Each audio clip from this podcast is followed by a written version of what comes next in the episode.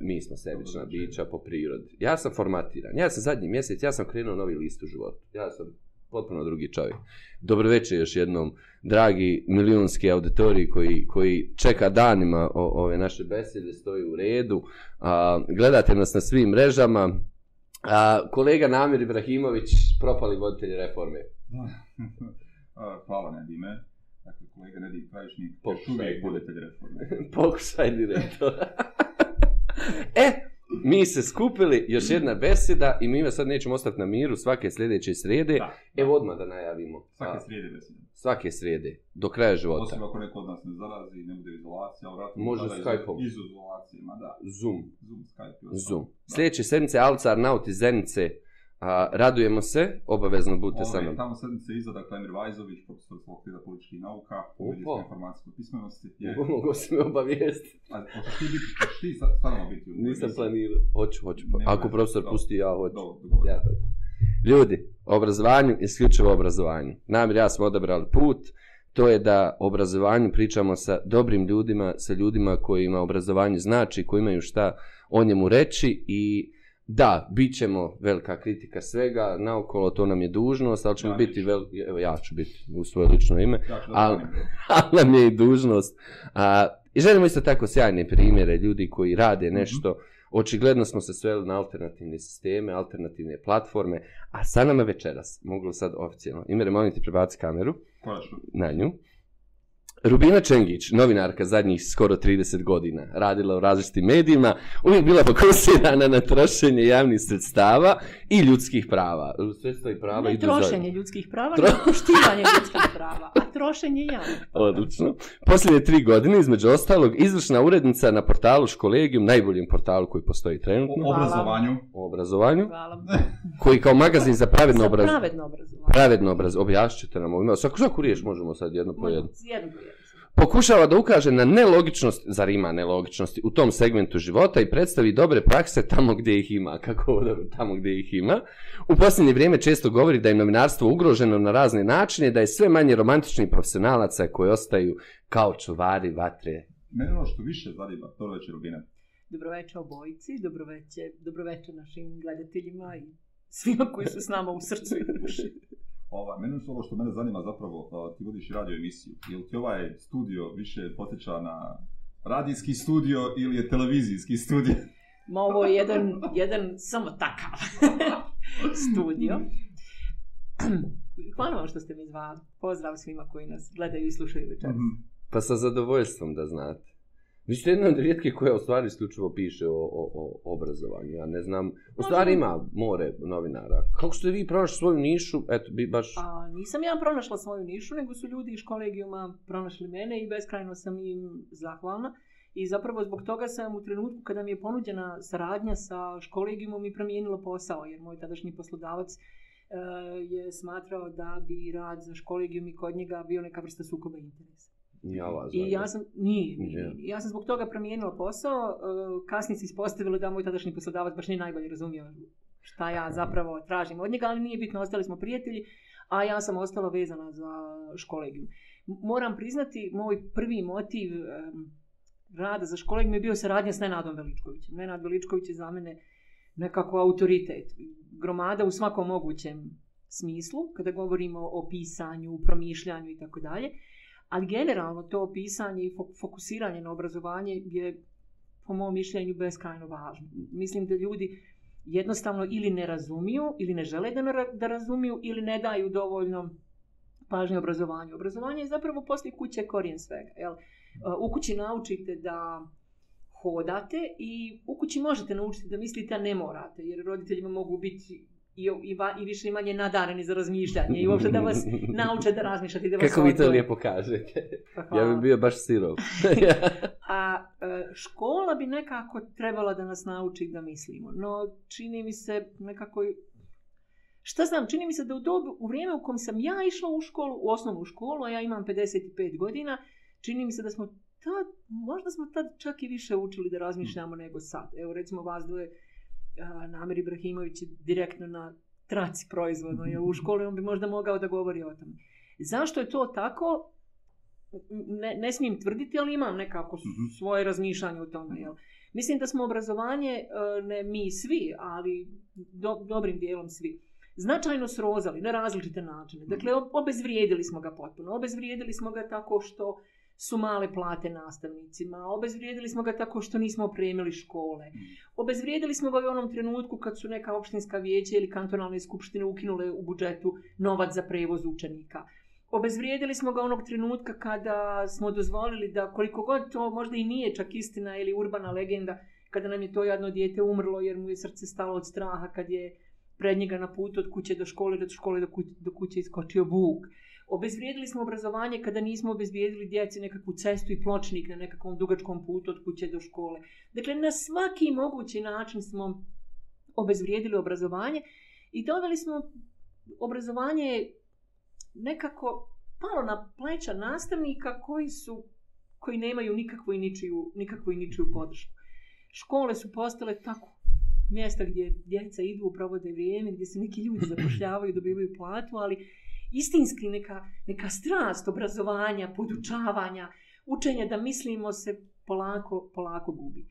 Među nastavnicima ima um, i također tih romantičnih profesionalaca i čuvara vatre. Recimo moja prijateljica, profesorica engleskog, znate što ona radi? Ona svaki dan nosa neke pucekere pune šarenih papira, oblutaka koje boji, na kojima ispisuje riječi. Do, ne, do, do mm. gruho doba noći ona crta neke panoje da djeci uh, predstavi, onako šareno da im predstavi da mi lakše zapamte glagol, imenice, čude i tako dalje. A s druge strane imate jedan broj nastavnika koji tako moraju negdje da rade i da zarade platu. I ono što mene jako brine iz mojih novinarskih susreta s nastavnicima jeste da vidim da su to ljudi koji se iz različitih razloga plaše različitih stvari. Hmm. Najprije se plaše da govori o tome šta doživljavaju. Ljeto hmm, hmm. sam imala priliku razgovarati s jednom ženom. Ona je mlada nastavnica, nije uopšte bitno ni u kojoj školi radi, niti šta predaje. Ona se obratila nama u školi i mu s molbom da napišemo tekst o njenom iskustvu u školi i ispričala je strašne stvari, zaista strašne stvari. I kada sam je pitala uh, da li u tekst možemo staviti njeno ime, rekla je ne dolazi u obzir. Možemo staviti bar ime škole u kojoj se to dešava, ne.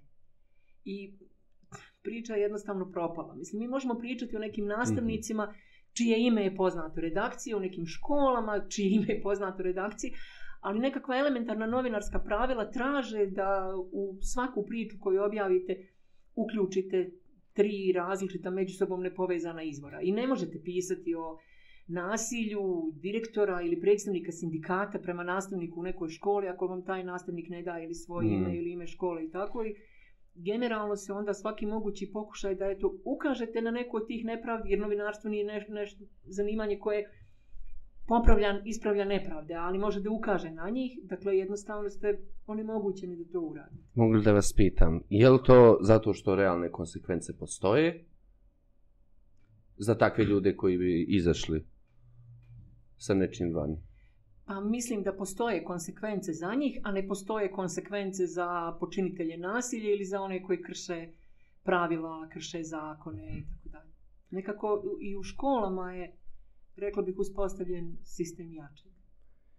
A kad govorimo o strategiji, ne govorim, ja govorim o strategiji, kad govorim o, a, kad ja govorim o strategiji, a, nadareni mislioci, a, govorite to kako se u školi više ne misli, a ne učimo da mislimo i tako dalje. Je li to strategija ozbiljna sistema da, da u školama se mišljenje nauči? Jo, kada bih rekla da je to strategija, onda bojim se da bih na taj način dala podršku onima koji teoretičarima zavjere. Razumijete? Onda bi to bila velika zavjera da je obrazovni sistem stavljen u funkciju e, spriječavanja djece da nauče da misle. Ili spriječavanja ili zaustavljanja postupka u kom djeca izrastaju ljude koji hrabro i slobodno misle. Onda, to bi onda bilo strašno. Iako, međutim, kad okrenete stvar. ja nešto ne vidim problem. Čak i ako nema strategije, čine sve da to tako bude. Ne, mogu da iskoristim uh, odgovor Joker. Odgovor, Može. Možete i zvati nekog ako želite. I kad, kad me vi pitate ja da li i... to strategije, kažem ja i. ne znam na kojeg mislite, ali pogledat ću. Namir će me uputiti. Pa- Sam bi bilo pogrešno u toj strategiji. Šta je to Sa aspekta, sa aspekta vlasti, to zaista jeste dobro. Što će njima ljudi koji, koji propituju? Ja? Koja je korist ovaj, vlastima od obrazovanja ovako kako ono jeste? Jesu li to samo novci, jesu li to zapravo budući stanovnici koji neće propitivati odluke, koje ide, dakle, ima, ima li novac obrazovanju ili ima li moći za vladanje stanovnišnjom obrazovanju? Pa ja bih rekla da ima i jednog i mhm. drugog. Mm -hmm. Dakle, ja ne, u ovom trenutku sramota me sad, ali ja recimo ne znam tačno uh, koliko novca u kantonima, znala sam taj podatak, za svaki kanton pojedinačno koliko novca se izdvaja za obrazovanje. I to nije malo novca, zato što u svakom kantonu imate veliki broj škola, pa onda imate u tim školama direktora, jel, to upravljačko tijelo, pa imate nastavnike. Mm -hmm. I sve to zaista jesu, kada stavite na, na jednu veliku gomelu, mm -hmm. to je jedan zaista veliki broj. Jel. Procentualno, mislim, ja sam redano vidio te podatke, procentualno, dakle, u odnosu na taj procenat koji se, to, dakle, Slovenija i BiH se ne razlikuju samo je pitanje šta vi tražite na kraju. Dakle, nije u pitanju koliko novca, e, koliko novca ulažete. Dakle, mi možemo za marku, evo, ajmo ovako banalizat stvar, možemo za marku da kupimo kilogram brašna. Evo. I vi i ja ćemo od tog kilograma brašna sa mrvicom soli i vode napraviti 10 kruhova. Mm -hmm. Evo, 10 komada kruha. Kako se kaže pravilno namirje? Yeah. 10 hljebova. Napravit ćemo, dobro, napravit ćemo 10 hljebova ali ćemo također za tu istu marku u pekari ćemo kupiti jedan hljeb, koji je prilično mali. Znači, sve je, za moj pojem je pitanje šta želimo da dobijemo na kraju. Mhm. E sad, ono što mi u ovom trenutku u Bosni i Hercegovini imamo na izlazu iz procesa obrazovanja, jesu, kako bih rekla, um, djeca koja dobiju diplome, koja su vrlo zbunjena onim što nastavnici od njih traže, što im govore, uh, Imali ste primjer, evo prije neki dan u Skupštini kantona Sarajevo je zastupnik zatražio da djeca u osnovnim školama, u istoriji, u predmetu istorija uče mm. mnogo više o ratu u Bosni i Hercegovini nego do sada, a prije koliko deset godina smo Malo imali... li je. Dogovor, a prije deset godina mi smo imali taj dogovor da iz učbenika izbacimo istoriju 92. do 95. jer se je, nismo o njoj dogovorili. Malo više od godina. Pa ono, dobro, eto je, 15. Je, je, je. Dakle, dogovor, sad smo se dogovorili dakle. da to bude što je moguće više. I sad, em smo M smo, kao što sam rekla na početku, sasvim obezvrijedili nastavnički rad. M smo djecu zbunili. I šta na, na izlazu dobijemo? Na izlazu za tu veliku količinu novca koju smo uložili u obrazovanje, dobijemo prilično zbunjene ljude koji ne znaju kud dalje. Mhm. Tako da, a mogli bi za, taj, za tu istu količinu novca, mogli bi da dobijemo mnogo više. I kad me pitate šta vlast ima od ovog, da, vlast od ovakvog obrazovanja ima veliku korist, zato što ima građane koji ne propituju, koji ne izlaze na izbore ili ako izlaze glasaju onako nekako stihijski ili razmišlja o tome kako će napustiti Bosnu i Hercegovinu. Ili ima još nešto jako važno, ja zapravo ne mislim naravno da je to posao obrazovanja, mhm. ali negdje bi kroz proces obrazovanja pojedinci među nastavnicima, ti romantični profesionalci, kod djece mogli da izgrade ne patriotizam, oni uč, mhm. utočište za budale, ali ljubav prema, mhm. ljubav prema domovini. Mhm. Na različite načine se to može uraditi. I da vi na izlazu iz procesa, dakle iz te velike fabrike ili mašine obrazovanja koja brrrr, izađu djeca koja vole svoju domovinu i koja kažu, ok, neću prelaziti semafor na crveno svjetlo, sačekat ću zeleno, ili ako pređem na crveno, platit ću kaznu,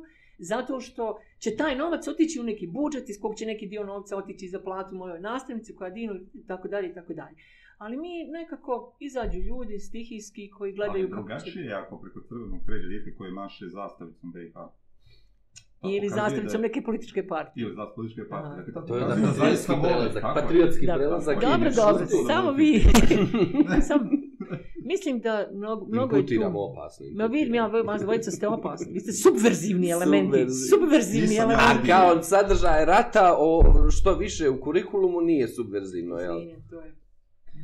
Subverzivno bi rekao... Son. Može li biti subverzivno s onu stranu nečega? Jer je meni subverzivno uvijek romantično, kao ti rušiš nešto loše. Jel može biti subverzivno kao pojačavaš nešto loše? Ne, mislim, ovde sa tom pa evo, ovo je subverzivno. Da, Dok... se, dakle, zapravo se ono, koncept pokazuje nerazumijevanje postojećeg nastavnog plana i programa, dakle tamo, ne znam, neki zastupnici koji razumijevaju koncept obrazovanja, donose neku odluku i zadužuju ministarstvo koje sad treba da se kao ono... Što znači, treba ali... zastupnicima oduzeti pravo glas. Ne, ali... Pa, svić obrazovanja, ne, se ništa obrazovanja. desilo, dakle, da ono, u skupštini se ne spominje, ali... osim načalno obrazovanja. Ali poražavajuće je da recimo na takvoj jednoj sjednici ili barem da poslije takve jedne sjednice primjerice ministarstva obrazovanja ne izda saopštenje dakle. za javnost i da kaže ko su ti ljudi, dakle ko su ti ljudi kojima mi dozvoljavamo da se petljaju u obrazovanje. Dakle, dakle. Ja ne kažem, da, ne kažem da oni ne znaju, oni mogu biti mnogo veći znalci uh, onoga što, što nam treba ali na izlaz iz obrazovnog ja procesa, ali ne moraju biti dobro namjerni. Na sjednici niko nije uopće raspravljao o tom zahtjevu. Nego se samo digle ruke i... Pa što pa se tu ima rastala? A, sad, ću nešto, sad ću vam nešto ispričati. Imala sam priliku prije mjesec, mjesec i porazgovarati sa 30-ak mladih ljudi koji su prošli edukaciju, e, to se zove Akademija političke pismenosti mladih, koji je pokrenula Akademija za žene. I jedan od e, mladih ljudi koji je prošao tu edukaciju, koji je bio u jednoj političkoj partiji, ali nije bio kandidat na lokalnim izborima prošle godine, mi je rekao, znate, mi, vi među vijećnicima u opštini, imate ljude koji nikada nisu pročitali ni zakon o lokalnoj samupravi, ni statut opštine u čijem, u, u čijem vijeću sjede, niti bilo šta. Dakle, mi, mi smo mi u Bosni i Hercegovini smo obesmislili politiku. U, u, politika je umijeće mogućeg. Politika bi trebala da bude alatka da kreiramo ambijent u kom živimo bolji za sve nas. Mi smo, mi smo obezvrijedili. Kod nas je politika alatka kojom šačica političkih moćnika kreira ambijent u kom je njima dobro. Ne bih htjela da izlazimo iz okvira obrazovanja, ali evo recimo posljednjih godinu dana, pa dobro, mislim život, posljednjih godinu dana gledamo ovu trakavicu sa koronom, a zadnjih mjesec dana gledamo trakavicu s nabavkom vakcina. Mi imamo političare koji su izmislili hiljadu jedan način zašto ne treba da kupe vakcine, jer za Boga ne valja im zakon, neće krivične prijave, imaju čemu, strah od nepoznatog. Pri čemu odluku o, o nabavci vakcina govori čovjek koji je optužen u procesu nabavke respiratora. Ja mislim da to sve vuče korijenje iz, ono, iz domaće zadaće. Kojim je nama to prirodno, suštinski, je nama prirodno, koje niko se ne buni po toga da osoba koja je optužena, potvrđena optužnica, na sudu se brani, vodi se proces. Je? Tako. Za respiratora. I dalje... Osniva grupu koja će nabaviti vakcine. Dakle, gdje to ima? Evo, nedavno, jučer, tek je slučaj u Njemačkoj, dakle, u kojoj je jedan od ministara u vladi ovaj, Njemačke, dakle, njegova firma koja neki vlasnik ima neki dodir, profitirala na poslu sa maskama za lice. Dakle, to je neko objavio, to nije ni sudski proces, ni iste sekunde, bez da se bilo kome šta pravda, bilo šta drugo. Dakle, samo ta, da je on bio u vlasti, dok je njegova firma se okoristila nečim, u zavisu toga što je vlada donosila odluke, je zapravo dovoljan razlog da neko ti ide za Kod nas nije ni optužnica. Ja sam mislim Na... da to stvarno vuče korijen iz domaće zadaće. Dakle, to su naučene izlike zašto nisu radili domaću zadaću i koje je prenio samo kasnije ovaj, na vakcine. Vrlo moguće. E? Dakle, zadaće su krive za sve. Zadaće ukinimo su krive, ukinimo zadaće. Mi to ukinimo. postavljamo u stvari često pitanje. A da bi ukinuli zadaće, moramo ukinuti obrazovanje. Ne. Jedan od svijetih onih postulata, zadaća, ja i to. E. Okay. Pa Šta znači pa- pravedno obrazovanje? Školegijum kao magazin a, za pravedno obrazovanje. Šta je vama u glavi pravedno obrazovanje? A, trebala sam vam ponijeti jednu rečenicu iz, rečenicu iz jednog teksta našeg saradnika na portalu Školegijum, ali a, mogu vam govoriti kako ja razumijem pravedno obrazovanje. A pravedno obrazovanje bi značilo da svako dijete ima pravo na obrazovanje, da svako dijete ima podjednak pristup obrazovanju i da to obrazovanje nije štetno. Ni za djecu koja prolaze kroz njega, ni za nastavnike koji rade u njima, ni za društvo u cijelini. Mhm. Dakle, to je nekako moje poimanje pravednog obrazovanja. Pretpostavljam da su ljudi koji su pokrenuli školidijum, kad su kreirali taj naziv, imali vjerovatno i nekakva druga objašnjenja, ali nekako ja tu pravednost podrazumijevam na taj način. I pravedno obrazovanje bi bilo nekako obrazovanje koje mi svi štitimo, zato što je tako važno i što iz njega izlaze um, konstruktivni ljudi. Ne možemo svi biti na isti način konstruktivni, jel? ne mogu svi, niti svi treba da budu niti doktori nauka, niti direktori, niti bilo šta drugo, Naravno. ali nekako da iz tog obrazovanja izađemo, ne moramo čak izaći ni sa jasnom slikom šta mi to želimo, ali možda da izađemo sa jasnom slikom šta ne želimo. Jel? Ili, da, ili da ne izađemo sa nekom bolesnom ambicijom, da ne izađemo s tim, evo primjer iz, iz moje kuće, moja kćer je išla u jednu osnovnu školu i bila je odlikašica sa, sa svim peticama, to je valjda shvatila sam popularno u osnovnim školama. Tamo svi imaju petice i svega. Ali danas u Srbina svi imaju petice pa. u školu. Nisam baš sigurno. Čula sam da se roditelji maš ono žale. 4-6 prosjek u Sarajevu, jel? Dobro, ali sam čula da se roditelji žale kad im djeca u online nastavi dobiju trojku. A, dobro, online to se ne broji. Aha. Uglavnom, i onda je u gimnaziji učila nešto iz fizike i nije bilo baš jasno. I onda je rekla, pa ja sam imala petice iz ove fizike. Moguće da ja to baš nisam znala za pet. Ali, ovaj, Dakle, ja bih nekako voljela bih da je to puno drugačije. Da je pravednije na taj način. Ali, ka kažem, vraćam se opet na to. Um, žao mi, nisam zapamtila tu rečenicu, ali rado ću vam je sutra uh, napisati na Facebook profilu. Može. Na, dalje nastavlja. Kaže, pokušava da ukaže na nelogičnosti u tom segmentu života. Jel vam nedostaje materijala? Pa nedostaje materijala na način da ljudi žele da govore o tome. Ja vam se opet vraćam. Dakle, mi možemo da govorimo... Uh, portal Školegium je portal koji je otvoren za sve prosvjetne radnike i oni tu mogu da pišu uh, čak ako žele i pod pseudonimom i mogu da iznose svoje vlastita iskustva. Dakle, to je kada bi pisali prosvjetari. Uh, Kada pišu novinari profesionalci, oni jednostavno moraju da poštuju neka pravila profesije. To znači da imaju nekakva, nekakva tri izvora koja nisu među sobom povezana, da ako je jedan sagovornik u tekstu prozvao neki, neku osobu, neku instituciju, da ta institucija dobije mogućnost da odgovori na te prozivke i tako dalje. Znači, profesionalni novinar mora da ispoštuje sve te e, postulate profesije. I u onim segmentima kada školegijum pozove prosjetne radnike da pišu, tu imamo jednu vrstu problema, to je da veliki broj njih bi rado pisali, ali ne bi oni baš pisali o nepravdama koje se dešavaju u školi. Znate, nepravde, evo recimo, kakve sve priče dolaze do nas o kojima je nemoguće napraviti novinarski tekst. Imate nastavnicu koja je gotovo slijepa na jedno oko i zamolila je školu da joj smanje normu jer ima invaliditet određenog stepena. No međutim, nju škola ne želi da prebaci na, na mjesto sa manjim opterećenjem i ona je negdje javno govorila o svom problemu i sada je sada joj prijeti otkaz. Sada je protiv nje poveden disciplinski postupak.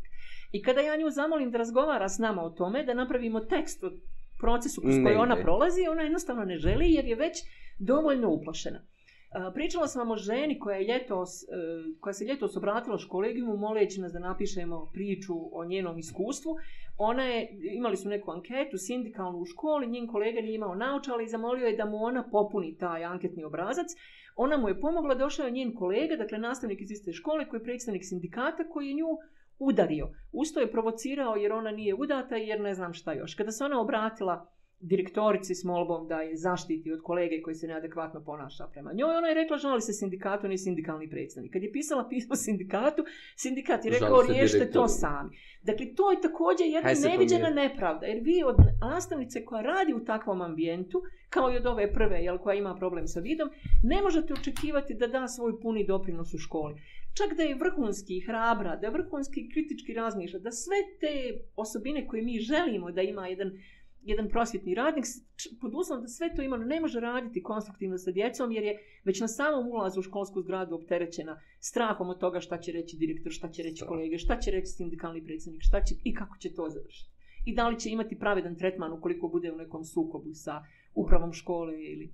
Mislim, ne bi bilo fair da ne kažem dakle, da sam ono, dugo bio u školegiju i dugo radio sa, sa stvarima i, i sad ono što su uvijek školegiju mu prigovarali su zapravo jeste taj kritički koncept u kojem se samo govori o, o nepravdi, o problemu unutar škole, ne navode se svijetli primjeri. Da, da, da, ovi lijepi prakse. da, dakle, ne postoje kao ono, ono stvari koncepta koji ipak postoje. Dakle, mi imamo, naravno, imamo jedan solidan... ogromnu količinu tekstova u kojima se govori o praksama unutar škola i dobrim primjerima same, dobrim primjerima same prakse. Imamo primjer zapravo... nastavnika iz, mislim, Bihaća koji Evo, nam je napisao da, da. tekst o tome kako je ne mogavši da, kako učbenici, recimo informatike, ne mogu da stignu sve promjene koje se događaju, oni lijepo napravio web stranu svojim učenicima i oni sad, i kad ne mogu da dođu u školu, oni imaju online sredstvo, popunjavaju to i tako dalje. Dakle, imamo recimo nastavnika Mirzu Ahmetovića iz Zeničko-Dobojskog kantona koji redovno piše tekstove o svojim iskustvima, isključivo, dakle, u iskustvima iz učionice, kako on to radi. Bilo, teorija velikog praska na časovima fizike. Jeste, ovo, kako se, na koji način je moguće primijeniti.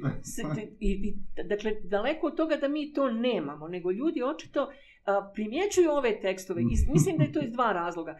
Jedni se plaše da bi mogli doći pod udar takvih tekstova, a drugima je možda čak uh, i krivo što nemaju hrabrosti da opišu vlastito iskustvo. Jel? Ili vam nude da, vi, da mi kao autori drugi opisujemo njihova iskustva, pritom opet, kažem, praveći nam uh, onemogućavajući nas da to uradimo jer ne žele niti da na bilo koji način predstave svoj identitet, bar ni imenom škole, niti bilo šta. Evo recimo jedna naša propala ideja koja mi je jako žao, imali smo ideju da napravimo uh, Eh, radni naziv je bio katalog primjera mobinga u školama. Eh, Lijepo uređen, sa slipstama, sa pa svim.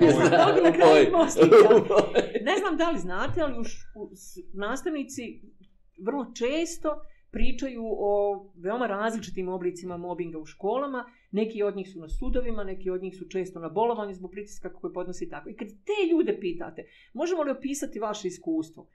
oni kažu, pa dobro, ali ne, nemojte baš sve, možete u pola. Pa zašto ne? Zato što će njihov direktor njih prepoznati Aha. iz tog opisanog slučaja. A kad im kažete, pa dobro, vi ste na sudu s direktorom, šta je sad problem da, da direkt... Pa, pa, mislim, vratim se ja sa suda u školu i učionicu i vi ne možete znati.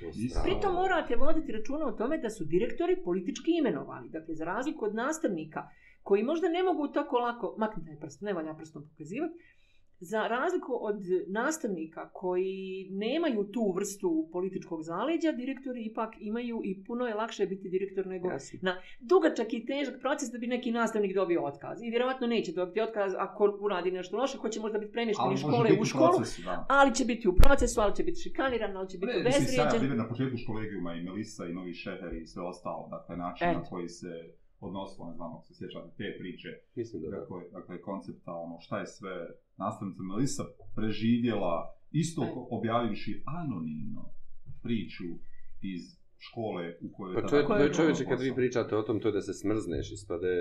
E sad mi, dakle, sad mi dolazimo do, do ovog o čemu smo na, na početku pričali, te neke, tog nekog šta treba da izađe na kraju, iz tog procesa obrazovanja, dakle, ako imate nastavnike koji su uplošeni i čija primanja su tolika da oni jednostavno ne mogu ne mogu provesti mjesec od početka do kraja sa svojim platama lagodno nemam rješenja. Ne, sve pada u vodu. Um, ne, nešto mi je kad ste razgovarali to direktor, nastavnica, je li ima podatak o omjerima o, muškaraca na, na rukovodećim pozicijama u školama? Evo neka moja inercija, ok, ja poprilično znam da, da kako se penje stepen uh, obrazovanja, tako se smanjuje broj žena. Ali, jel možemo tu govoriti sad i o nekom odnosu moći muškaraca i žena? Da, ima negde to latentno? Da se... be, bez daljeg mislim da ima više muškaraca. Ne znam brojeve, ali bi valjalo to pogledati. Ali kad govorimo o tom elementu moći i snage političkog zaleđa, kada govorimo o direktorima škola, mislim da tu čak i nema toliko veze jesu li to muškarci ili žene, s tim da su možda muškarci malo onako uh, kad, kad znaju da imaju političko zaleđe za sebe, da se osjećaju onako jače i moćnije nego žene. Ali mislim da, s obzirom da su to političke pozicije, da to uh, baš i nije tako presudno važno. Iako bi dobro bilo da imamo više žena na mjestima uh, kao direktorica škola. Jer go, jeste, sad mi je to kroz prizmu nasilja. Mnogo se priča o, na, o nasilju u posljednje vrijeme. Pa evo i prema novinarima. Je li nasilje živi u školi? Nasljeđe žive u školi u različitim oblicima, da, kako ne. Jeste istraživali to?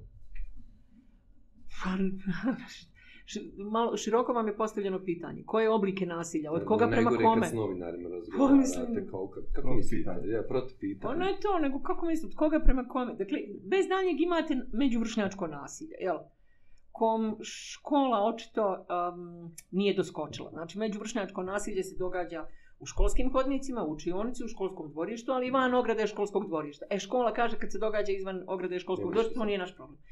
Imate nasilje koje je od direktora ka nastavniku, koje je vrlo sofisticirano, koje je, recimo, um, imate ove, um, imate, na primjer, priču koju također nikada nismo istražili, jer niko nije htio da govori o tome s imenom i prezimenom, da je u jednoj osnovnoj školi u Sarajevu, navodno, direktor u svojoj kancelariji bio s nekim nastavnikom, i poslao je dežurnog učenika po drugog nastavnika da bi taj koji je bio direktor u kancelariji pred direktorom istukao svog kolegu. I direktor je to gledao, ali to nije kao izašlo dalje iz učionice, osim što je ovaj koji je dobio batne izašao i pričao o tome, ali nikomu nije vjerovao jer nešto. Dakle, imate to, imate, imate nasilje među kolegama kada se ne slože oko neke ideje. Prije nekoliko godine u jednoj Sarajevskoj osnovnoj školi djevojčica počela da davi nastavnicu koja je bila dežurna u, u holu škole. Kada je to sve došlo na, na nastavničko vijeće, direktor škole je rekao nemojte da pravimo problem od toga, pa ta djevojčica je neki dan došla u našu školu kao iz, prebacili su iz druge škole u kojoj je pravila probleme. Nemojte da sad ima i prokazujemo djete da pravi probleme, jer će to znači da naša škola nije dovoljno Sposobno, dobro organizovana da, da, da. Da, da, spriječi, da spriječi nasilje. I, dakle, najrazličitijih oblika nasilja kojima mi čak ne možemo ni ne možemo ni znati zato ako nam škola kao zajednica to ne, ne prezentuje. A često nam neće prezentovati iz vrlo jednostavnog razloga da neko upravi škole ne bi pokazao svoju nesposobnost ili da neko iz škole ne bi na sebe navukao bijes uprave škole. Nekako, či, meni se čini kad razgovaram s ljudima koji na škole funkcionišu kao kao male konzervativne porodice. Š, nemoj da se napravi, nema što ima. Iz tog razloga i prosje, koliko ste rekli, 4, 6, 4, 8, Nemoj da djeca iz naše škole imaju loše ocjene, pa sad ispade mi ne znamo nauči djeca. Ne, pa e, to je profesorca Jasna Kovačević ovaj, istraživala, naučno ukazivala i postoji taj termin balkanizacije, odnosno ta, takve klime i kulture unutar unutar škola, koja podrazumije upravo to o čemu govorite, kako vi to opisuje. I gro naši škola potpada po takvu klimu i kulturu. Je. Jedna od stvari koju se školim bavio je naravno obrazovna politika. Da. Uh, iz ovih svih tekstova i razgovora sa ljudima koji odlučuju obrazovnoj politici postoji li obrazovna politika na bilo kom obrazovnom nivou? Ili je to politika obrazovna? Ma jok! Namjerno sam ovako bezobrazno rekla. Zaista mislim da ne postoji. Dakle, mi nekako um, stalno iščekujemo da ministar obrazovanja postane neka osoba koja će onako doći kao romantični vitez konjenik s nekom idejom i zamahat nekom zastavom pravednog obrazovanja, pa makar da ga ubije neko i da padne mrtav sto konja. No, međutim, političke partije kandidiraju ljude koji su očito poslušni, podobni ili apsolutno nepoznato odakle ih izvuku. Za, za neke ministre u kantonu Sarajevo smo se onako kularski, gdje sad ovog nađuše, dakle, potpuno jedna, i mi, mi samo govorimo, mi govorimo o kantonu Sarajevo jer je Sarajevo onako otvoreni, zato što je centar, ali kad mm. se izmaknete iz Sarajeva i odete u neke druge kantone ili Tako. u Republiku Srpsku, uh, kad pogledate ko su ti ljudi koji su ministri za obrazovanje, oni nemaju nikakve, pod milim Bogom, nikakve reference u obrazovanju, vi vidite da je to neka neki politički dogovor, neka politička misija. Pa kolegijom se pri dva mjeseca bavi o tom pričom o otkupu odobrenih učbenika. Pa vi vidite da se to mimo svih pravila zakona dogovore se ministar obrazovanja u Zenici i Tuzli. Kaže ministrica, bivša ministrica obrazovanja u Tuzli, baš smo se, kaže, mi sreli, ja i ministar obrazovanja u Zenici, i nešto smo onako u skafu pomislili da bi bilo divno da kupimo iste udžbenike i mi smo se dogovorili da uzmemo te udžbenike od određenog izdavača. Koji su upravo iz Zenice i Tuzle? Ko, jeste, koji su lokalni, tu su naša lokalna preduzeća da li su ti udžbenici najbolji, kući. da li su udžbenici najbolji, da li su oni dobri. Da, onda se, onda nam, javi, kriteri, onda nam javi, ne znam, profesorica iz Vonsko Sanskog kantona i kaže, pa i naš kanton će otkupiti udžbenike tih istih izdavača, jer je to ista politička partija, jer se vjerovatno i taj ministar sreo na nekoj kafi s ovim ministrima. Ako je to e, politika, obrazovna politika, onda je to stvarno katastrofa. Ja. Ali u ovom smislu, posebno u kantonu Sarajeva, dakle, imamo vrlo često smjer ministara obrazovanja. U, pogotovo u onom u pretprošlom mandatu. Je, Sjećate je, se kad je, je bilo, na, ne znam koliko, u jednom mandatu je bilo četiri. Je, pa ćemo doći na jedan. Ovaj, I sad, u smislu, da li postoji negdje, strpimo, da li zna. postoji u, u razgovoru, u smislu, da li postoji makar bilo kakva zajednička nit oko koje se nadležni resorni ministri slažu da bi trebalo nastaviti razvijati u okviru resora kojim upravljaju. Može se, svi su se složili oko toga da nam treba reforma. Ja, i Kakva? Šta? Nisu objasnili.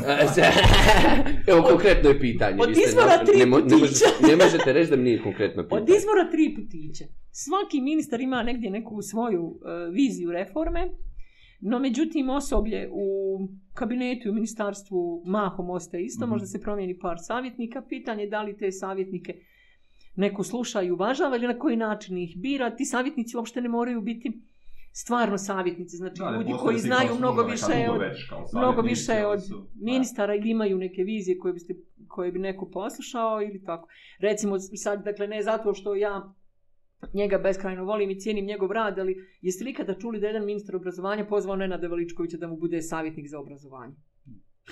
Niste. Ili nekog, mislim, Ja mislim da su svjesni da bi automatski odbio, pa neće im da zovu, možda bi ga neko izvao. Pa, ali bilo bi lijepo da neko pokaže, dakle, evo sad u kantonu Sarajeva imate taj slučaj oko, oko Ivane Marće, nije više bitno hoće li ona to prihvatiti ili neće, ali je lijepo da je neko pozvao jednu mladu ženu, samomisleću ili ne, ne znam, dovoljno hrabru i otvorenu da kaže sve što misli, pa makar se to nekome ne sviđalo i tako dalje. Dakle, to pokazuje nekako dobru volju da, da birate neke ljude koji ne moraju biti poslušnici. Onako se, sve se svede na to da birate ljude koji će biti poslušni. Ne, zapravo, kad obrazovanje, pogotovo osnovno, dovedete onako skroz razgolitimo, pa kažemo da je to nešto što je obavezno, mm -hmm. gdje svako, nešto kroz što svako dijete mora proći, onda u nekom sljedećem koraku vidite da niko ne vodi računa o tome, kaže šta vam briga kako će biti obrazovanje, svako dijete mora proći kroz to, to, to je toliko para za učbenike, toliko para za teke, za tene, za struju, za grijanje, za nastavnike, za tu ćemo zaposliti nastavnike i tako dalje. Ja ne želim, jednog trenutka ne mislim da su naši nastavnici loši, ima ih raznih kao i u svakoj drugoj profesiji, ali opet se vraćam na to da nekako smo... A pa ja, evo, pričao smo nasličkoj profesiji, ja ćemo... Ne, samo imam za ovo, dok nisi prešao, izvini, molim te. Da li, sad stvarno, da nama, o, Ministarstvo obrazovanja, stvarno u toliko utiču na kvalitet obrazovanja da su jedni jedini odgovorni za to? Ne, ni slučajno. Ali I ta persona koja su... je na čelu? Ma ne, ne. Obrazovanje je jedan tako široki, razmrežen uh, sistem. I mi generalno smo nekako napravili društvo u kom čini mi se da najviše zavisi od pojedinca. I tako bi to obrazovanje moglo da zavisi od pojedinca koji drži nekako dirigentsku palicu tokom 45 minuta. Ali društvo u cijelini je obezvrijedilo, obezvrijedilo obrazovanje. Mm. Ministri bi mogli da budu ljudi koji će se na sjednicama vlada i parlamenta boriti za novac, uh, govorim novac, ali Evo, ne u onom bugarnom smislu. Evo, se izborila za 3 miliona historijsku ulaganju naučnu. A, dakle, sa razdvajanjem ministarstava obrazovanja osnovnog i srednjeg i visokog i u dva ministarstva, otvorio se zaista fond za, za, za povećanje, otvorila se prostor za povećanje sredstava za nauku. Ja se iskreno nadam da će ovo ministarstvo dobiti taj novac. Ovo je generalno nezgodan trenutak jer zbog korone budžet kantona Sarajevo je više od 100 miliona manji u odnosu na plan. I, to I uvijek se kreše koziti... obrazovanje, naučni, istraživački rad. Tačno. Imali smo slučaj, recimo, u prije dva ili tri mjeseca u školi mi je bio tekst jedna nastavnica je pisala o tome kako nije dobila naknadu za prevoz, čini mi se dva mjeseca. I ona je pitala u školi zašto nije dobila i rekli su mi naravno da nisi dobila kad, kad radiš od kuće. Kao da nastavnicima koji rade od kuće nemaju potrebu da ode u biblioteku ili bilo gdje drugo, što je stvarno absurdno.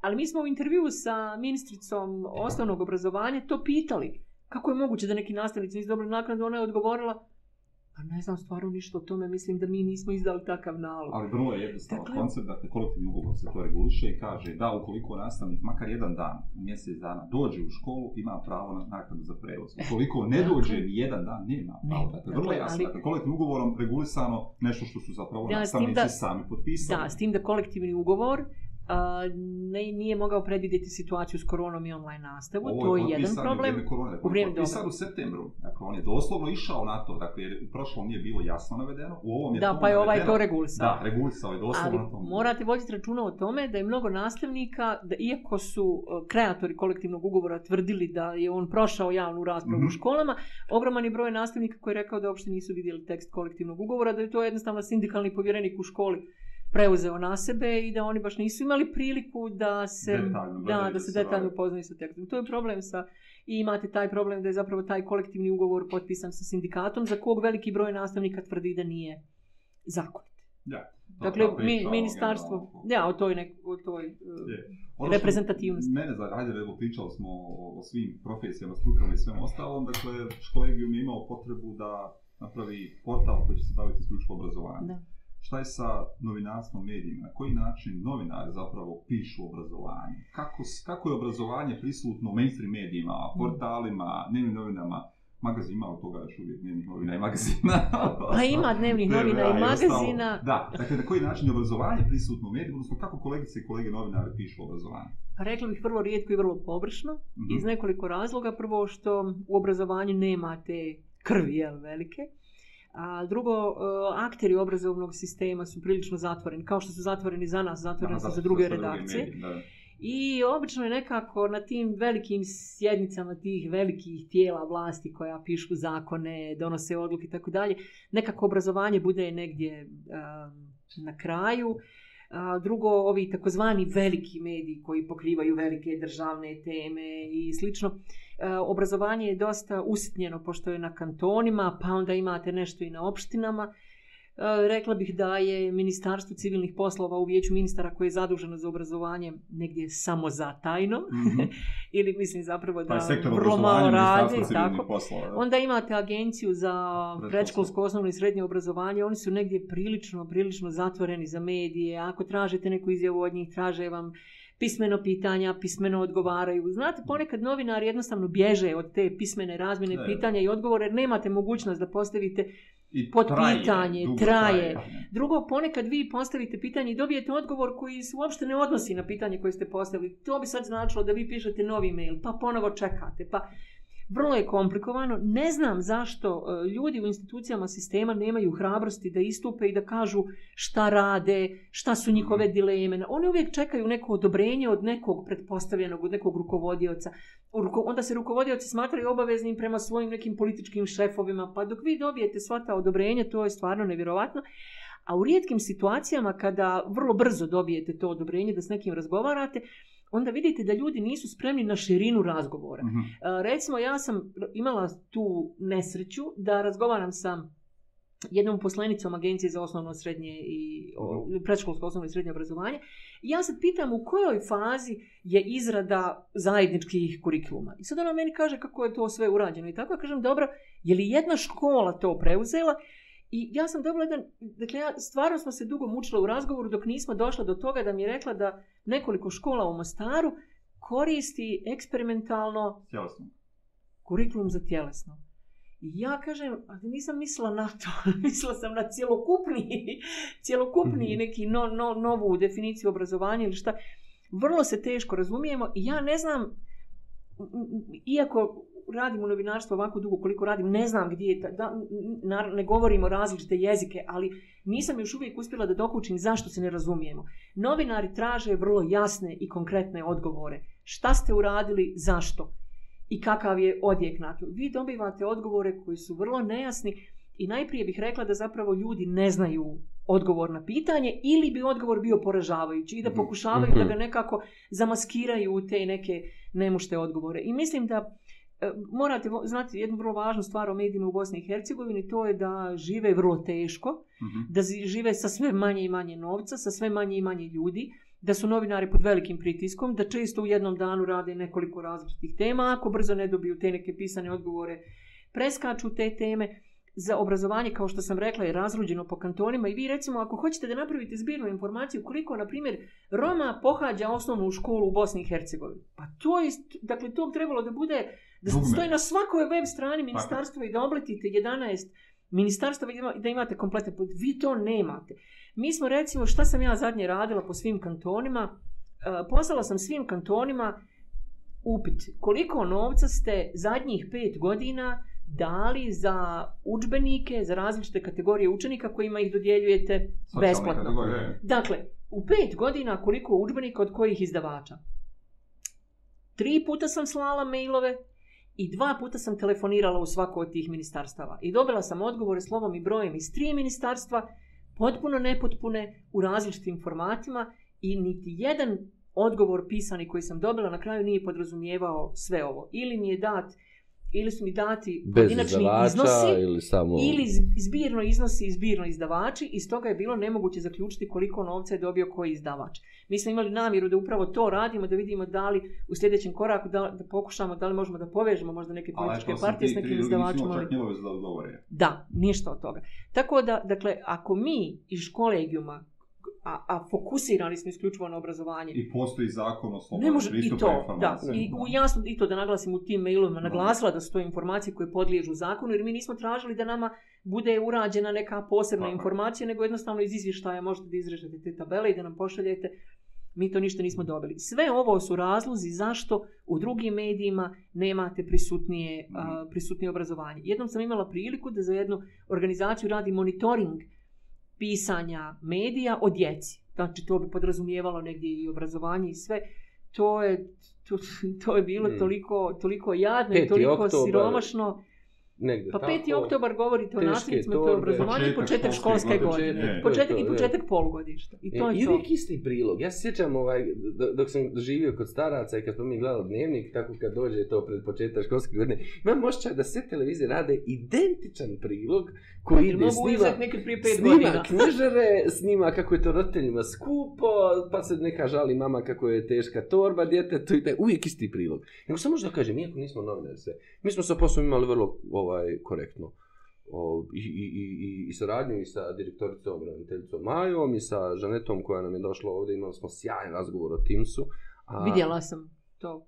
Samo, et, sam, vedra, A morate, iz vedra neba. Morate, morate shvatiti i ovo. Ja potpuno razumijem i jednu dozu opreza koji ljudi iz institucija sistema imaju prema novinarima, jer nisu svi novinari podjednako profesionalni, podjednako dobronamjerni. E, bravo. Neki su nedobronamjerni, neki su neznalice, neki su bahati jednostavno. Bravo, bravo. Tako da to jeste objektivan problem kada neko treba da se otvori prema mediju. Ja, ja prošle sedmice pisala neki tekst u nekom zapošljavanju u državnoj instituciji, jedan čovjek koji ima čak sudsku presudu zbog tog nezakonitog zapošljavanja je rekao hvala, ali ja ne želim da govorim s vama zato što imam izuzetno loše iskustva s novinarima rani. Ja ne želim da kažem da su moje kolege neznalice ili zlonamirne, ali jednostavno nekad vam u toj brzini, u nervozi, u iščekivanju, kak ima jedna divna, um, jedna naša starija koleginica umrla je nedavno, nju bi komšinica kada je sretne ujutro, pa kaže, ej, šta ima, kako, gdje si pošla, ti ona kaže, idem na posao, ovo kaže, ti novinarka, opet se ideš ponižavati.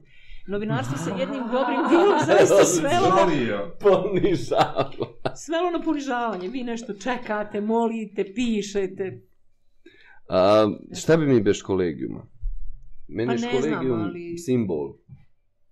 Pa, Koliko je da... čitano uopšte? Koliko, kakve vi pa, moram vam priznati da, imate? da imamo dosta dobre, uh, dosta dobre pokazatelje čitanosti posljednje dvije godine. Mm -hmm. Da je to nekakav rastući broj novih posjeta. Mm. Da je, dakle, naš Almir Kljuno, on to redovno prati. Na kraju svakog mjeseca mi dobijemo izvještaj sa tačnim brojem posjeta, zadržavanjem na web stranici, pregledom tekstova i mislim da su ti brojevi sve bolji i bolji.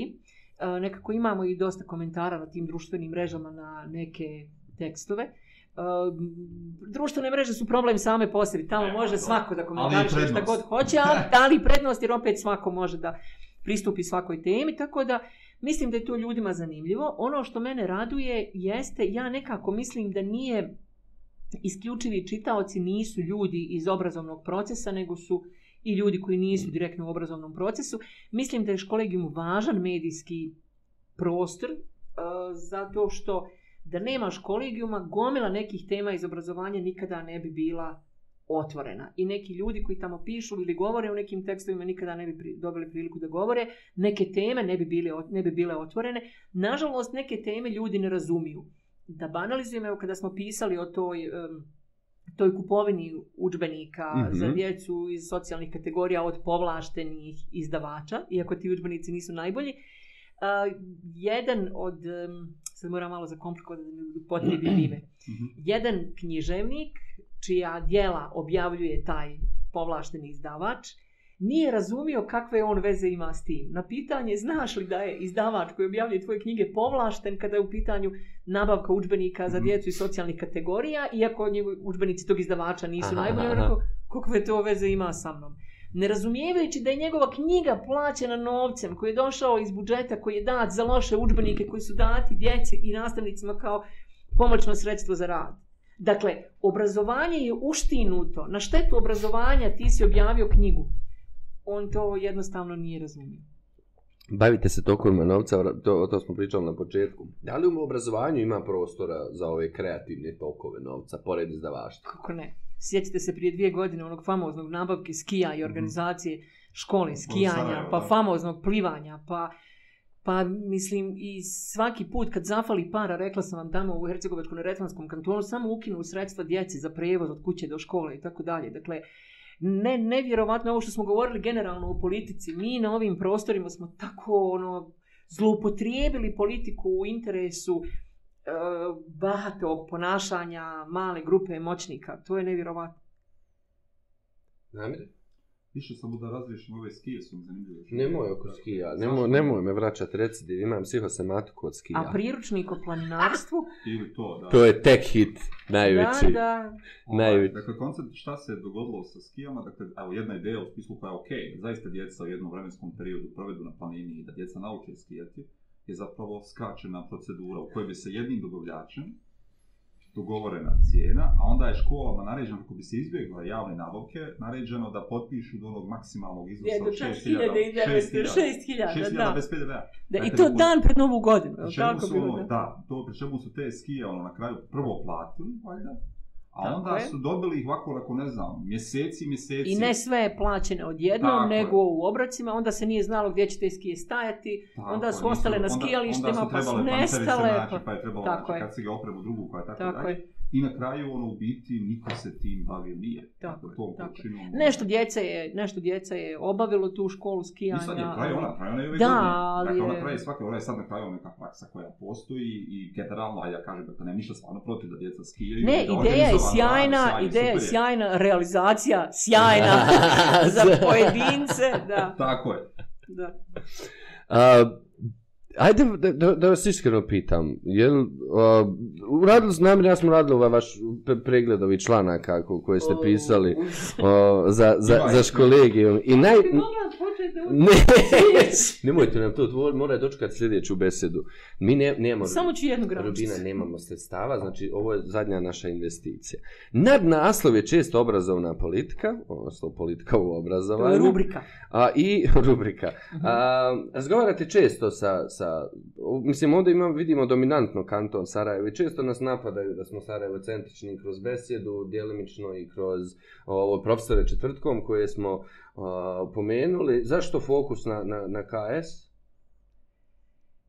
Pa, ne znam šta bih vam rekla. Mogla bih ja sad naravno da se branim i da kažem imamo priču iz Mostara, iz Zeničko-Dobojskog kantona, imamo autorice iz Cazina, iz, iz Bosanske krupe, ali nekako šta, imamo e, dvoje autora iz Zedo kantona ne znam, nekako Sarajevo, i ja ponekad mislim da smo Sarajevo centrični, ali opet mislim da se u Sarajevu dešava najviše stvari, najveći broj procesa, nažalost je ovdje, ovdje je nekako najviše novca, ovdje je najviše tih političkih ideja, lomi se, lome se različite ideje, različiti interesi. Valjda se mi nadamo da će u tom sudaru različitih političkih ideja konačno jednom pobijediti neka konstruktivna ideja. Zbog toga u Sarajevu nekako, s druge strane, ovi ne mogu kazati unutrašnjosti ili drugim kantonalnim centrima, zbilja teško dolazimo do nekih e, informacija, trudimo se, nekad uspijemo, nekad ne. Kako vi gledate na tu fragmentiranost obrazovanja? Ma to, to je budalaština, to je stvarno najveća moguća budalaština. Dakle, budalaština je već to što je obrazovanje nekako različito između Federacije i Republike Srpske, a tek to po kantonima to, to je nestvarno. I mislim da smo nevjerovatnu priliku propustili sa rezultatima PISA testiranja, PISA testiranja koje je došlo, da se niko nije sjetio, da se bar neka, kakva razlika može biti u matematici, fizici, hemiji, biologiji, koje, koji to, koju tu nacionalnu dimenziju može imati biologija ili matematika, nevjerovatno. Da, se, da, da, da, da je sjelo tih, mi smo imali ranijih godina te sastanke ministara obrazovanja kantonalnih kada su se, uh, kada smo imali ove recenzenske procese za učbenike, ali kako već nekoliko... Da, da, da, koordinacija ministra. Mi to više ne radi, ali da dođete, da tu dođu ljudi da kažu dajte, vala, lakše nam je, ako ništa drugo, da jedan, na, jedan nastavni plan i program napravimo evo oko ovih predmeta koji, oko koji, koji, koji bi mogli u cijelom svijetu biti identični, jel? Ja pa eto, ajde, ako ćemo oko, ne znam, istorije, geografije, iako ne znam što tu granice jasno podijeljene, šume se neće pomjeriti za milion godina da, da se tim bavimo, ali to je opet vraćanje na politiku, na izdavače, prodaj učbenika, nekakve eksperte, stručnjake, kreiranje nekih strategija, planova, čuda, jer se sa sve to vi platite nekome. Uglavnom platite nekom podobnom stranačkom e, klijentu. Hoćemo li... To je velika šteta za Blitz pitanja iz ovih pr pregleda ovog. Če, iz tekstova mogu ja krenuti. Kukala mi A, majka. Znači, Blitz. Uh, povratak djece u škole generalno, ne samo Dobre. u kantonu Sarajevo. Sad u, u jeku pandemije. Šta je vaše, šta ste vi naučili umeđu vremenu i šta je vaše? Uh, ja znam da, ja znam da ljekari traže da potpuni lockdown na 15 dana jer će to presjeći širenje pandemije. Mislim da se nalazimo u jednom užasnom trenutku. Vidjela sam juče da nam neko iz vlasti najavljuje da će od neke sportske dvorane napraviti bolnicu ako nas ne plaše tim, ali od prijatelja koji odlaze na testiranje znam da je mhm. potpuni haos u svim ambulantama. Znači na jednoj strani imamo to da, ljeka, da ljekari traže potpuni lockdown na 15 dana, a na drugoj strani vidimo da veliki broj nastavnika, ne svi, veliki broj nastavnika i dječji psiholozi kažu da ćemo imati nesagledive posljedice na odrastanju i sazrijevanju djece zbog ove godine dana online nastave. Uh, Mislim da je u ovom trenutku ova dva stava nemoguće pomiriti. Imamo vlast koja je potpuno sluđena, uopšte ne znaju šta da rade. Nekakve parcijalne odluke neće imati smisla, kao ni ovaj sljedeći vikend u Sarajevu. Vi ćete sljedeći vikend u Sarajevu napraviti ja odu u lockdown, ljudi odušli u Goražde, u istočno Sarajevo ili mislim gdje već. Ja odu imam bir malo. Na Jahorinu mislim gdje. Ali odušli u Goražde, ono da zarazim Eto, familiju. Ja živim tamo. na granici sa istočnim Sarajevom, ja ću sam preći na drugu stranu ulice i sjest u kafiću neku baštu. Ano također ovaj koncept koji ima veze sa svojom naslovom, dakle, a, internetske nasilje i, i cyber napadi za koje tekst tu se kaže da dakle, mogu biti čak pogubniji za dijete nego je stvarno fizičko nasilje. Tako je. Imate nastavnicu, koja, e, psihologinju koja je skrenula pažnju na to. Dakle, mi smo do prije godinu dana govorili kako djeca previše vremena provode ispred računara ili mobitela igrajući se, a sad smo im legitimno dali i to što su bili slobodni i ovo sad što su u školi, dakle, tri puta više što nikako ne može biti dobro. Jel? Mm -hmm. Kaže naša vječna direktorica Step by Step, Radmila Rangelov Jusev, sa njom ste radili nedavno Rado. ovaj intervju. Da. Šta kaže Rada? Rada je... Rada je nekako... Ne mogu da te ne pitam, nekako je vidio je. Rada je neka, neka toplina i neka pamet i neka dobrota u ovom obrazovanju. Bože, strašno, strašan je prostor koji je ostao pražen posljednje. E, nadam se da ima ljudi koji su naučili puno od nje i koji će čuvati tu vatru, ali dok ne dođe do svake učionice ta njena dobra duša džaba. Ovo je da znaš Rubina koliko je ostavila ljudi Znam. s punom snagom. Iskreno i, se nadam da... I komunicira. I, to, I ne daju ni oni da stane. To je jedno sjeme. Iskreno se nadam da ne to... Ne ni oni dakle, da, da, Iskreno da se stane. nadam da će to, da će to biti tako. Ovo. Da će radar nastaviti da živi u svima nam. Oće i kroz nas. Da. Namire? Pa, Ja bih šta se sa, sa ovim brojnim intervjuima ovaj, koji su... Mm. su A što, jel vam se ne sviđa to što imamo nešto više intervjua? Ne, ne, nego imamo ono, kako, mi kako? različite stvari, nije, nije aha, sviđanje, aha, sviđanje. Aha, aha. nego je koncept sa brojnim intervjuima ovaj, u, u, u onome što ide, dakle, o platama će odlučivati struka, online nastava se odvija uspješno iznad očekivanja, Uh, treba reformirati pedagoški zavod, onda, ne znam, omogućiti smjenu loših nastavnika, ništa ne bih uradio da je čekao se glasno učiteljica ili od ministara koji ovdje kaže i tako dalje. Dakle, po ovim naslovima mi zapravo imamo čak i svjesno šta jeste problem obrazovanja, na koji način bi to se moglo uraditi, šta se treba uraditi i realizaciju.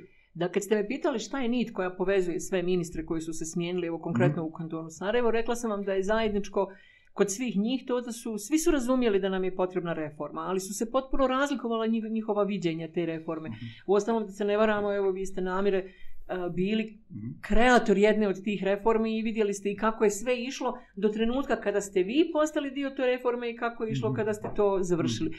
Dakle, ja nisam dovoljno pametna da odgovorim na pitanje o čemu se radi. Da li je, da li ljudi ne žele reformu, nego samo govore o tome kako je ona potrebna da bi se stekao utisak da oni mhm. razumiju problem, ali kada, kada, na, kada, se od, kada uđete u reformu, vi nju morate provesti, zato treba puno snage, neke, pod navodnicima, neke glave će pasti, neki ljudi će ostati bez posla, nešto ćete morati promijeniti, jel? morat ćete uložiti neki dodatni novac, neke ljude zamijeniti, morat ćete donijeti neke teške odluke koje će nekog oštetiti, mislim da ljudi nisu spremni da to urade. Neki dan sam imala zanimljiv razgovor sa jednom nastavnicom koja je donijela mi je knjigu o teoriji organizacije obrazovanja iz 67.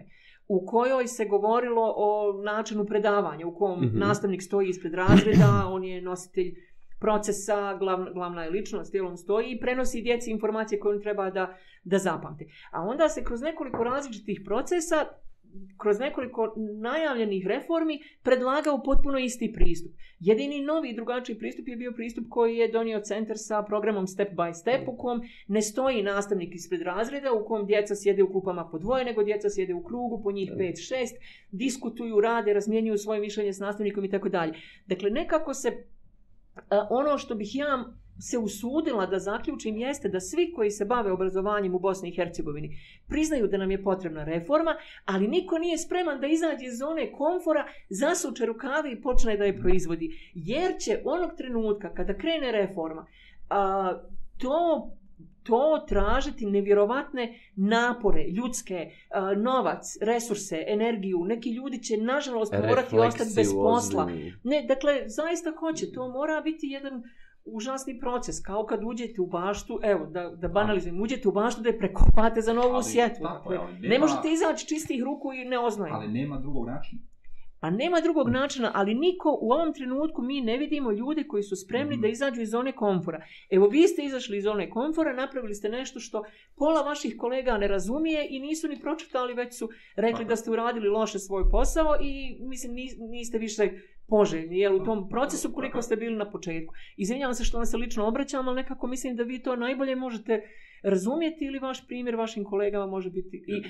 Mislim čak i da zbog iskustva koje ste vi nedavno prošli, mm -hmm. bit će sve teže i teže naći nove ljude iz pro, proizvodnog procesa obrazovanja mm -hmm. koji će htjeti da se uhvate Tako. u koštac sa opšte izradom teorijskog dokumenta. Znate, ljudi se osjećaju loše. Njima u CV-u stoji, ja sam pokušao, nisam uspio. Odbili su moju reformu. Za deset godina neće ljudi pitati kakav je bio vaš dokument. I reći, on je bio jako dobar, niko nije htio da ga provodi jer je bio vrlo zahtjevan. Nego će reći, to je onaj što mu je pala reforma, da, da, da. mislim, nažalost to je tako, ljudi kratko pamte. Ako me ne dim neka pozove u besedu, govorit ćemo. A za deset godina ću vam ja ponuditi intervju nekad gdje budem radila. Sjećate se? Prije rata. Sjećate se Prije kako rata. ste vi? Ono? Prije pandemije. Sindikati, upitnik. Sindikati su... Nek mi oproste, sindikati su veliki problem u obrazovanju u Bosni i Hercegovini. Ljudi koji vode sindikate, ne mislim samo na Sarajevo, uh, mislim na šire, mislim na cijelu Bosnu i Hercegovinu uopšte ne razumiju svoj posao. Ali to nije problem samo sindikata obrazovanja, to je problem većine sindikata, no želim da ostanem kod sindikata obrazovanja, oni uopšte ne razumiju svoj posao. Ne razumiju suštinu sindikata. I uz ove sindikate moram zalijepiti, vjerovatno me to ne biste pitali, jer ne pišemo često o njima vijeće roditelja. Vijeće roditelja je strašan problem. Vijeće roditelja, u vijeću roditelja većina ljudi ne razumije zadaću i položaj vijeća roditelja. Duvaju u leđa direktorima škola. Vrlo lako su skloni da se priklone upravi škole radije nego, nego nastavnicima i nego i svojoj djeci. Vrlo su skloni da poslušaju direktora škole čak i kad je stav direktora škole suprotan interesima djece i tako dalje. I to je ozbiljan problem. Vijeća učenika? Postoji pa postoje vijeća učenika i trebalo bi im nekako dati uh, malo vjetar u leđe. Zapravo s vijećima učenika bi trebali da rade najhrabriji i najotvoreniji nastavnici. Bravo. To oni bi, Bravo. Jer oni su ti koji nekako djeci daju vjetar u leđe i malo ih potaknu. I kaže, znate kako, kad, za, za moj pojam, uh, nas, dobar nastavnik ko, ili nastavnik koji je dobar voditelj vijeća učenika, onda on kaže djeci, zatvori učenicu i kaže, napišite peticiju i svi potpišite, svi potpišite, ja ćete. A onda na nastavničko vijeće dođe i kaže, ali vidite koliko je djece potpisano, ne možete se oglušiti. To, to, to, to, se praviti ljudi, dođe u javnost, to, to, ćeš tak, to, e, tak, takvi nam nastavnici trebaju da vode, da vode vijeće učenika. E, hajde lijepo završimo. Kako vi obrazovanje? Ćemo zapjevati sve troje. Meni nije do pjesme. ovaj, kako vi obrazovanje sanjate? I šta da uradimo da, da, da, da, da te kamenčiće... A, ja bih voljela prvo da vratimo samo poštovanje nastavnicima. A, onda bih voljela da učionice izgledaju tako da, da djece nemaju strah od učionica. A kad vratimo samo poštovanje nastavnicima, mislim da će oni to sami nekako postići. I da shvatimo da nam je puno važnije da djeca nauče da misle, nego da mi kontrolišemo šta će oni misliti. Ima jedan super film, zove se Matilda, ne znam jeste gledali. Je? U prvom dijelu tog filma znate kako učionica izgleda strašno i oni imaju tu jednu nastavnicu koja ima one panoje sa dva, sa dva lica i recimo, eto, voljela bih da to otprilike nekako tako izgleda. Voljela bih da vratimo nastavnicima samopoštovanja, onda bismo čini mi se vratili dobri duh u školu. Ne, oni bez nastavnika. Ja, mi smo prije, prije možda dvije sedmice ili tri, jeste vi bili namre, bila jedna online konferencija o obrazovanju i za mene, e, i za mene poražavajuća, ne teza je bila da je obrazovanje u Bosni i Hercegovini u ovom trenutku gore nego prije 15 godina, što je zaista poražavajuće, a poslije sam razgovarala s nekim nastavnicima i oni su rekli, to je zaista tako. Dakle, mislim da svaki pokušaj reforme i svaki novi budžet dodatno obesmisli tako obrazovanje, jer nekako dodatno zada neki udarac u leđa. A, šta mislite o našoj zajednici inovativni nastavnik? Ona je super, vrlo kreativna, poticajna i važno je što postoji. Mislim, važno je da je sačuvam. Hoćemo i rukama i nogama. O... Beseda? Da mi ovo nastavimo ili da, da kupimo kablove? Sad sa mnom? Ne, ne, ne, generalno ovo, da, da, da, da nastavimo. Može, može svaki dan. Jarku, ja moram još odgovorat, pa ne znam što više, št... da me počete propitivati šta piše u kom tekstu. Kako mi možemo da postignemo ovaj milionski auditorij? Ma, platite preglede. Platite preglede. Samo da znate to što nemamo pregled, sve što ne plaćamo preglede. Sve. Ne znam šta bih vam rekla, ali ne, mislim, voljela bih da završim ovaj razgovor vetro, ali, uh, dakle, opet se vraćam na nešto poražavajuće. Bojim se da imate jedno, ako se obraćate nastavnicima sa besjedama, bojim se da imate veliki broj nastavnika koji jednostavno kad dođu kući u 7 sati uveče ili završe posao, njima više nije do života, njima se ovo ne gleda. Ako gledaju, oni to neće lajkati jer nikad ne znaju ko prati njihove lajkove. da, da, da, da. Dakle, nažalost, mi imamo previše tih destruktivnih likova. U stvari nas koji... gledaju, ali se ne zna da nas gledaju. Tako. Isti ilegalci. Iski, iz skrivenih IP adresa nas nastavnici gledaju. Imamo neki komentara ne, lijepih rubina. Na imamo, sve. naravno. Pa, pa mi smo pa najgledaniji, pa. najslušaniji podcast ikad i Bravo. Na svijetu. Bravo. Evo, na, onaj, imer će nam pred kraj pustiti ove nove reklame koje smo snimili. To su prve mm -hmm. neplaćene reklame koje imamo u besedi. A, Amela Mešić kaže da, da svaki primjer školegijuma bi se trebao nalaziti u svakoj zbornici. A, se, na, moja draga Senada Milanović iz Bugoje nam je zamjerila. A, kaže, ne mislim da nasilje živi u školama, to mi je užasna konstatacija. Ja sam to stavio u formu pitanja. Senada, izvi, nije baš tako. Ali ima nasilja, ima, nemoj tako. Tačno, ima, ne može um, Onda Maja Ljubavić govori kako ima nasilje. Na Maju Ljubavić slušamo sutra, profesor Četvrtkom. Jeste upratili Super. profesore Četvrtkom? Jesam. I? Profesor Vedran Zubić je divan, on je... Dakle, I Maja Vedran, Damir i Dženeta, je. Sutra. Odlično. Priča o zemljivim stvarima i sutra. Nemoj to, pomišljate, pa od... nam je jasno se baš zaljubili u taj form. A vas dvojica ste potpuno zaljubljeni u sebi u to što radite, to mi je super. Ma to mi je super kad ljudi vole svoj posao. Reki da imere. Ali ne pa prekul, kaže namjer u jednom trenutku kad išla, išla prva ova epizoda profesora mm -hmm. četvrtkom, evo pozivamo sutra u sedam, ovaj, gledajte profesora četvrtkom, uh, razgovaraju uvijek jednom od standarda ovaj, nasnačkog zanimanja mm -hmm. što je fenomenalno i svoje autentične legitimne perspektive, ali namjer meni prva ide e, emisija i šaljem poruku čovječe da li igde na planeti trenutno sjede četiri gimnazijska profesora i četiri gimnazijske profesorce i razgovaraju o ovom Pa ne postoje, nažalost. A, mislim da vidite nešto u svijetu i obrazovanje biznis.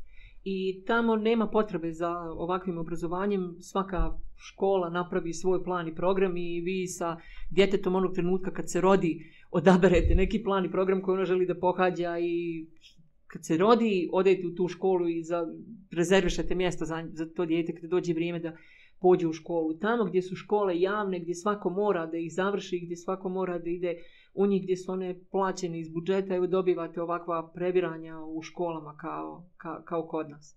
I znam da je to iz tog razloga Nažalost. je vrlo važno dakle, da četiri, četvero profesora dakle, javno govori bez ikakvog sustezanja ili bilo kakve stvari, komentiraju vrlo stručno, vrlo iskustveno, sa prijedlozima konkretnim, sa jasnom kritikom. Ja. Ovaj, Dajte im samo zadatak da svake sedmice imaju jednog kolegu iz drugog dijela Bosne i Hercegovine. I idem, uradit ćemo to, nego po, pošto nam je pandemija i pošto mi ne možemo da hodamo, Namislili smo, dakle, pa sljedeća, Skype, zoom, ono. sljedeća sezona će ići u drugim gradovima i sa nastavnicima i sa odgajateljicama. Ovo, ovaj, tako da... Ovo, če, ono, ne, super je, emisija, sve, je to. sve super, mislim da bi nekako dobar, do, dobra ideja bilo u ukrstiti razmišljanje i iskustva iz različitih kantona. Bravo. Nekako bi možda to ohrabrilo nastavnike da razmjenjuju te prakse. Oni sad to mogu jer se sreću na različitim seminarima, edukacijama i tako dalje, ali mislim, mislim da nisu dovoljno osnaženi, da su slabi kada se pojave kao uh, e, pojedinci. Ja. Prakse je bilo nekih razmina, ono što ovdje, dakle, da javno govore, dakle, da mhm. profesori kažu, ok,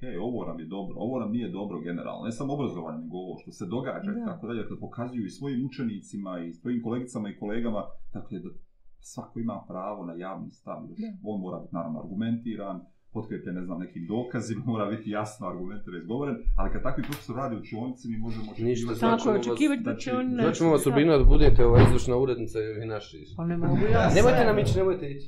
Ne pa nije kraj. Bohančić jedan mali.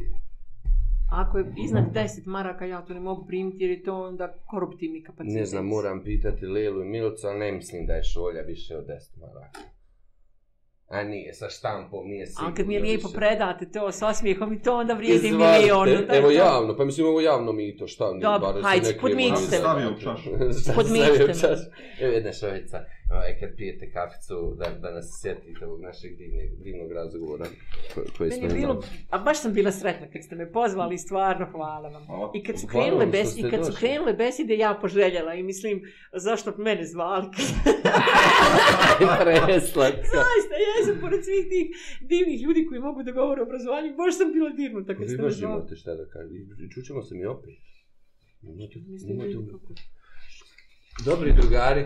Ljubina, hvala vam do neba. Hvala vam što ste nas Hvala i sve najbolje i, i, i, i kolegijum da nam živi još 100 godina. Hvala Ideja puno. da živi još 100 uh, e, godina. Hvala puno. Dakle, za ovu našu gledateljku koja je rekla da bi trebalo da bude u svakoj učionci, ja pretpostavljam da ona zna da školegijum već neko vrijeme ne izlazi u printanom mm -hmm. formatu.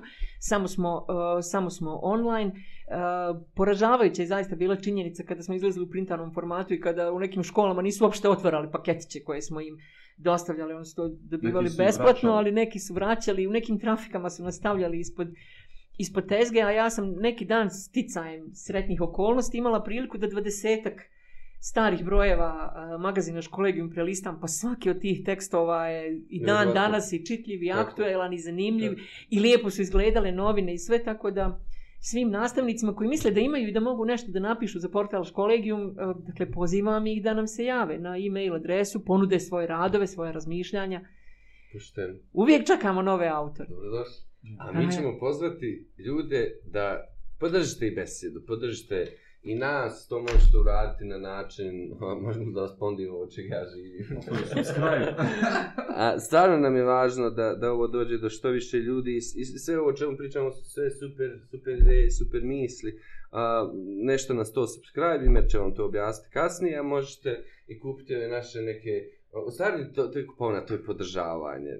Neke naše majice, neke naše dukserce, javite nam se ovaj, kako već znate i umijete, evo koliko mi je, koliko mi je neugodno da ovom pričam, ne mogu ni da izgovorim. Evo, super, zadnji krik mode, tako da... Samo ću vam reći mi male brojeve, ali ne Imene, hvala ti do neba. Hvala. Hvala. Hvala. hvala. hvala. hvala, hvala vam puno što ste me zvali. Ovaj, hvala puno večera ste nas gledali, možda drugi put nećete, ono što je preduvjet da biste nas pogledali, da biste nas vidjeli, ne dime je... Subscribe, odnosno preplatite se na naš kanal na YouTube, zove se Coi Step by Step i treba da kliknete dole, u crvenom piše subscribe, subscribe, molim vas. Ukoliko do naredne emisije 50 vas ne klikne subscribe, vjerovatno što nikada nećete gledati. To je to, fajrat. Thank you.